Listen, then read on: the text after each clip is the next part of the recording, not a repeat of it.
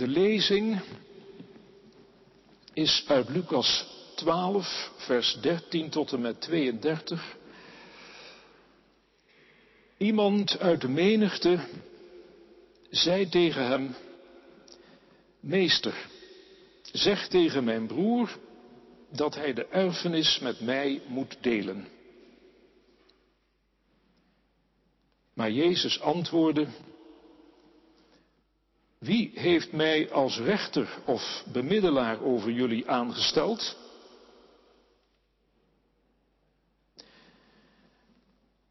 Hij zei tegen hen, zie toe, hoed je voor iedere vorm van hebzucht. Want iemands leven hangt niet af van zijn bezittingen, zelfs niet wanneer hij die in overvloed heeft.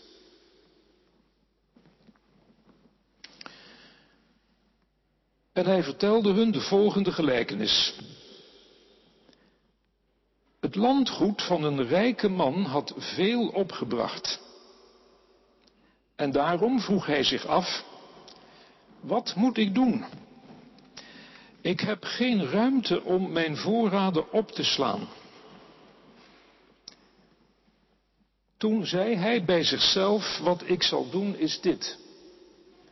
Ik breek mijn schuren af en bouw grotere, waar ik al mijn graan en goederen kan opslaan. En dan zal ik tegen mezelf zeggen, je hebt veel goederen in voorraad, genoeg voor vele jaren. Neem rust, eet, drink en vermaak je. Maar God zei tegen hem, dwaas, nog deze nacht zal je leven van je worden teruggevorderd. Voor wie zijn dan de schatten die je hebt opgeslagen? Zo vergaat het iemand die schatten verzamelt voor zichzelf, maar niet rijk is bij God.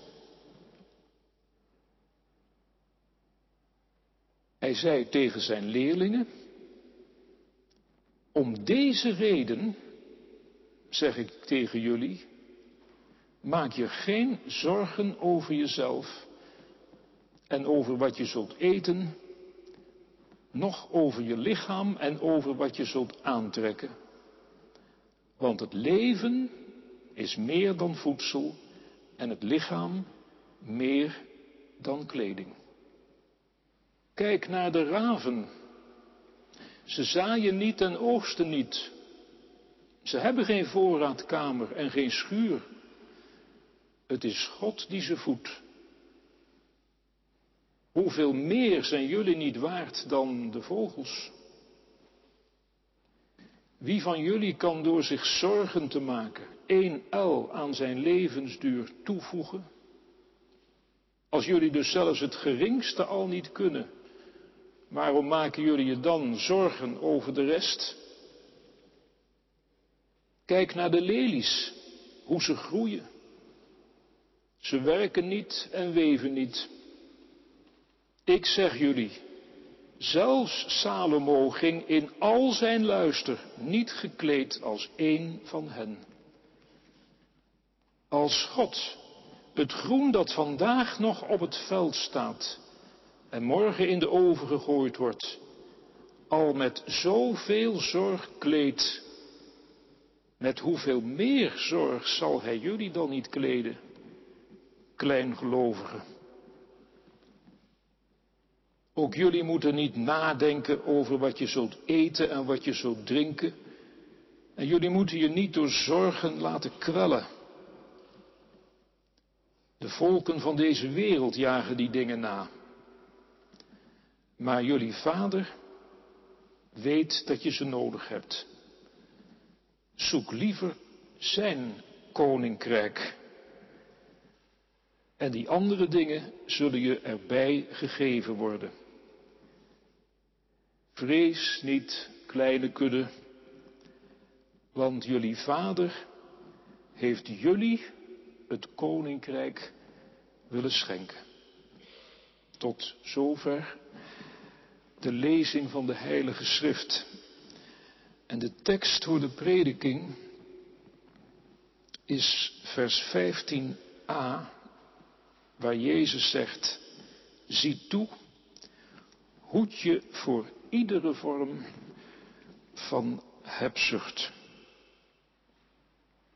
Gemeente van onze Heer Jezus Christus. Als Jezus Christus ons ontmoet, dan ziet Hij dingen die anderen niet zien en die we zelf ook niet zien. Hij kijkt door onze uiterlijke verschijning en ook door ons zelfbeeld heen en ziet onze innerlijke kern. Een schriftgeleerde vroeg eens aan Jezus, wat is het belangrijkste gebod in de wet? En Jezus antwoordde, heb God lief boven alles en je naaste als jezelf. En dan herhaalt die schriftgeleerde de woorden van Jezus in zijn eigen woorden. Hij heeft de woorden van Jezus tot zichzelf laten doordringen en in zichzelf opgenomen. En tegen die man zegt Jezus, u bent niet ver van het koninkrijk van God. Als je woorden van Jezus laat doordringen tot jezelf en in jezelf opneemt, dan ontdek je waar je staat ten overstaan van God. In de tekst van vanmorgen is het een man uit de menigte die naar Jezus komt met een vraag. Een man uit de menigte, een man als iedereen, een man als wij. Hij heeft heel gewoon een meningsverschil met zijn broer, die de erfenis niet wil delen. En daarom vraagt hij aan Jezus, de rabbi, zeg tegen mijn broer dat hij de erfenis met mij deelt. Een heel gewone vraag zonder verborgen agenda. Maar hij krijgt van Jezus nul op het rekest. Jezus zegt kortweg dat dit niet zijn opdracht is. Ik ben niet tot rechter en verdeler over jullie aangesteld. Er zijn blijkbaar kwesties waar Jezus niet op ingaat, omdat ze niet tot zijn taak en bevoegdheid behoren. Er zijn blijkbaar vragen die je niet aan Hem moet stellen, maar aan anderen. Jezus is niet de oplossing voor al onze problemen. Er zijn ook dingen die we zelf met elkaar moeten oplossen. Maar Jezus laat het niet bij deze weigering, want naar aanleiding van de vraag van die man brengt hij tegenover de menigte een ander punt naar voren. Zie toe en hoed je voor iedere vorm van hebzucht. En waarom begint hij nu over hebzucht? Was die vraag van die man uit de menigte dan ingegeven door hebzucht? Dat zegt Jezus niet tegen die man. Hij ontmaskert die man niet als een hebzuchtige. Wat hij op vele andere momenten in gesprekken met mensen wel doet, dat hij hen ontmaskert. Nee, maar hij zegt wel tegen de menigte en dus ook tegen die man, zie toe. Of er geen hebzucht in het spel is. Kijk, hebzucht ontdekken is meestal geen probleem bij anderen. Bijvoorbeeld bij jouw broer, die de erfenis niet met jou wil delen. Of bij de rijken van deze aarde die hun hebzucht onbeschaamd uitleven. Dat is duidelijk genoeg. Maar daar heeft Jezus het nu niet over. Hij zegt, zie toe op elke vorm van hebzucht. Niet alleen de opzichtige rijkdom en hebzucht van de rijken, maar ook de ondoorzichtige hebzucht die je niet doorhebt bij anderen en bij jezelf. Jezus nodigt die man eigenlijk uit om aan zichzelf een vraag te stellen. Is mijn verlangen naar die erfenis misschien een vorm van hebzucht?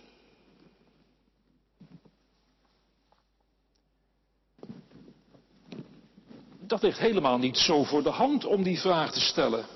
Want in die tijd bleven broers na het overlijden van vader vaak samenwonen met elkaar en met hun gezinnen op het gemeenschappelijke erf om daar samen te leven en te werken. Ziet hoe lieflijk is het dat broers van hetzelfde huis te samen wonen en werken. Goede regel. En als deze man nu de erfenis zijn deel opeist, is dat misschien wel een inbreuk op die goede regel. Maar zelfs als het geen inbreuk zou zijn op een goede regel, zelfs als die man met zijn vraag volledig in zijn recht zou staan, zelfs als hij de hele wet aan zijn kant zou hebben, dan nog zou het een vorm van hebzucht kunnen zijn.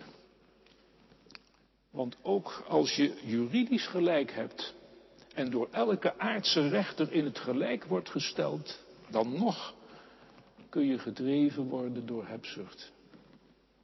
Er zijn veel vormen van hebzucht. Openlijke en geheime. Zie toe en hoed je voor iedere vorm van hebzucht. Want, zegt Jezus letterlijk, je leven is niet uit je bezittingen. Wat je bezit, dat geeft jou niet het leven. Zelfs niet bezit in overvloed. Leven en bezitten dat zijn twee verschillende dingen. Je leven hoort niet tot de dingen die je bezit. Je leven is niet jouw eigendom.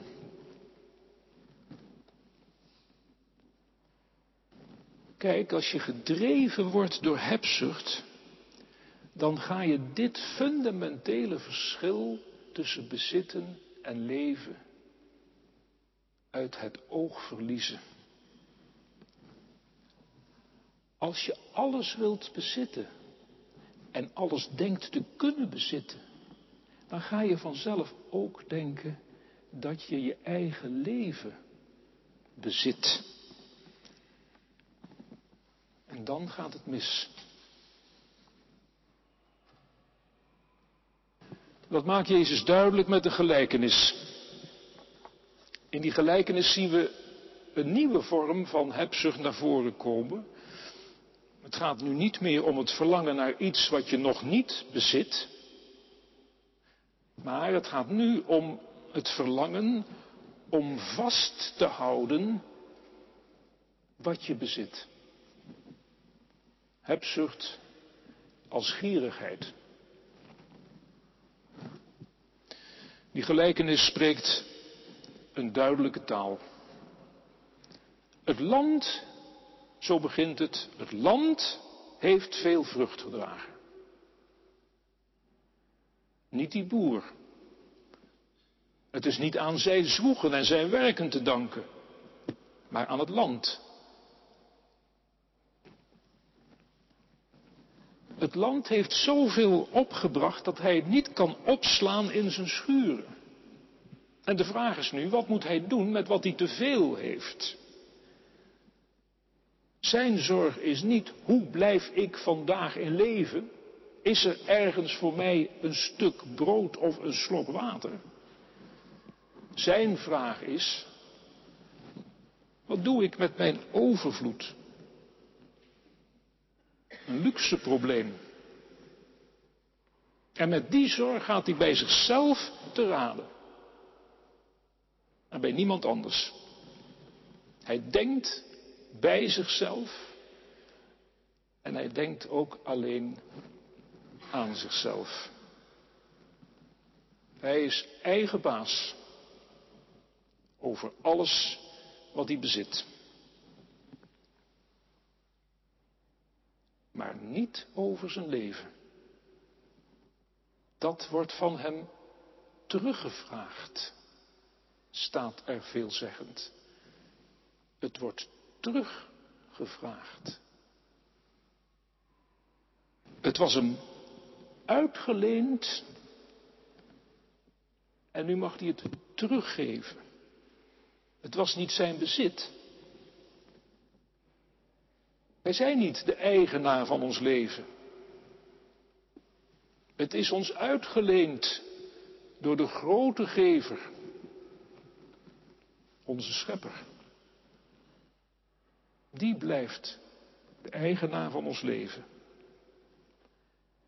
En dat heeft die boer vergeten.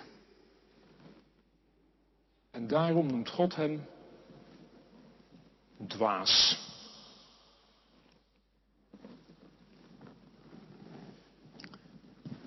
Maar laten we wel wezen, deze dwaasheid geldt in onze wereld voor velen als de hoogste wijsheid.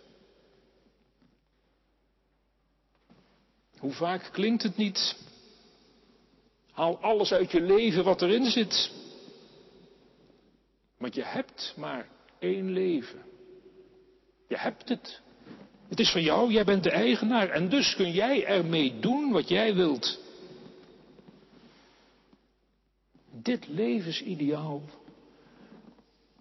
het is overal om ons heen, het doordringt alles, het doordringt ook ons, het is ook in ons. Maar niet alleen stilletjes verspreidt het zich, het wordt ons ook openlijk aangeprezen.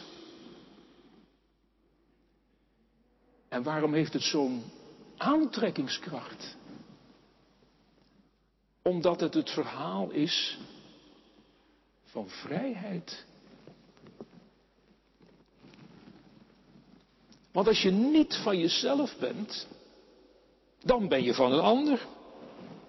En als je van een ander bent, dan ben je niet vrij. Dan ben je een slaaf.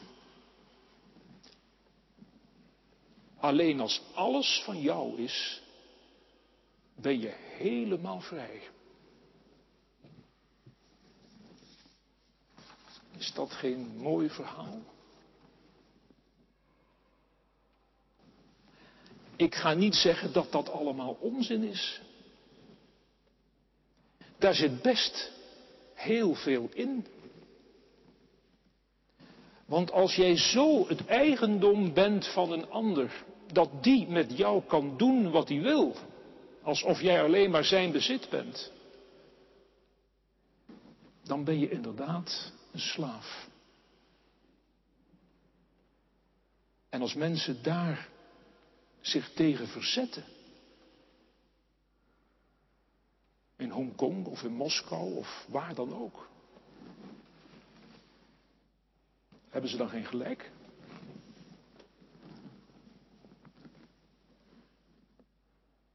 Maar dit is niet de enige manier om het eigendom van een ander te zijn. Er is ook nog een hele andere manier. De liefde. In de liefde zeg je, ik ben van jou en jij bent van mij. Ik ben de jouwe en jij bent de mijne. Ik ben jouw eigendom en jij bent mijn eigendom. Ook de taal van de liefde gebruikt de woorden van het bezit, omdat ze geen betere woorden heeft dan deze.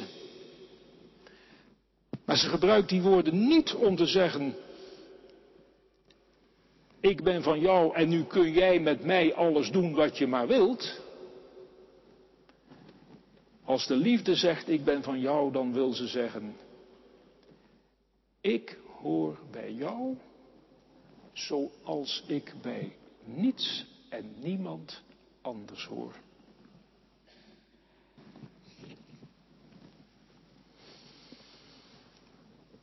Dat is niet de taal van de onderwerping, maar dat is de taal van de overgave en de vereniging. Ik geef mijzelf aan jou, ik geef mezelf aan jou over. Ik laat mijzelf los, ik geef mijzelf uit handen en ik leg me in jouw handen. Wie dat slavernij noemt, heeft nog niet geleerd wat liefde is. Dit is overgave.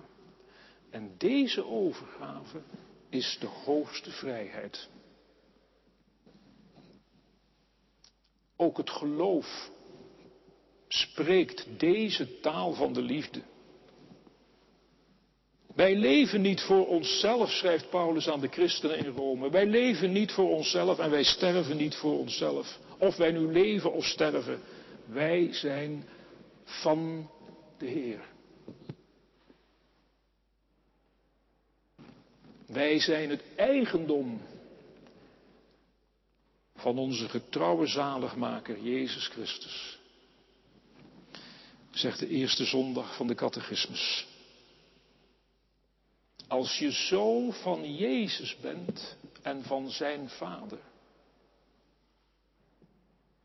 dan ben je rijk in God. Rijk zijn in God, dat is niet dat jij God bezit. God hoort niet tot onze bezittingen, nog veel minder dan het leven tot onze bezittingen behoort. Rijkdom in God, dat is dat God jou bezit. Dat je je leven niet angstig in eigen handen hoeft te houden, omdat het in Zijn handen is.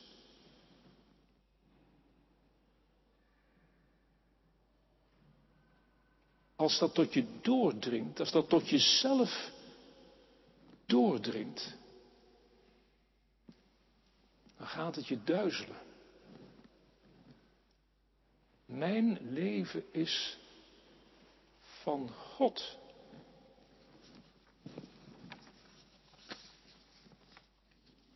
Zo spreekt Jezus tot de menigte. Maar dan heeft hij ook nog een woord speciaal voor zijn leerlingen, waarmee hij hun aandacht vestigt op een hele bijzondere vorm van hebzucht. Een hele subtiele, die wij als zodanig helemaal niet herkennen. Bezorgdheid. Om die reden zegt Jezus, wees niet bezorgd. Om die reden. Daarom, omdat je leven niet jouw eigendom is, maar van God. Daarom, wees niet bezorgd over je voedsel en je kleding. Jezus plaatst hier de zorg om je voedsel en kleding op één lijn met het verzamelen van schatten op de aarde van die rijke boer die zich een aardse eeuwigheid had gedroomd. Ook in je bezorgdheid. Ook door alsmaar te zorgen kun je vergeten dat God de eigenaar is van jouw leven. Ook bezorgdheid kan een vorm van hebzucht zijn. Heel je leven vast in eigen handen willen houden uit verlangen naar zekerheid en angst dat je alles zult kwijtraken.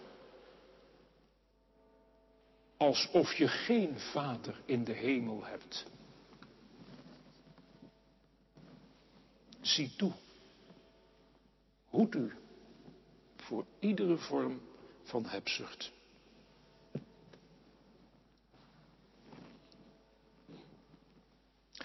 Hebzucht is eigenlijk verlangen naar leven. Maar op de verkeerde manier. Verlangen naar leven is op zich niet verkeerd. God heeft het ons gegeven. Het rechte verlangen naar leven wijst Jezus aan zijn leerlingen.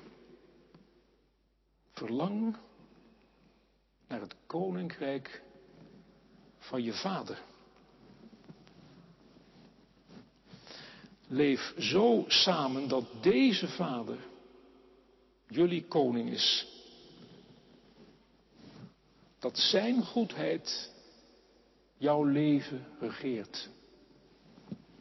Dat zijn liefde jouw hart vervult. Dan ben je zo vrij als de vogels in de hemel en de lelies op het veld. Want je bent van Hem. Amen.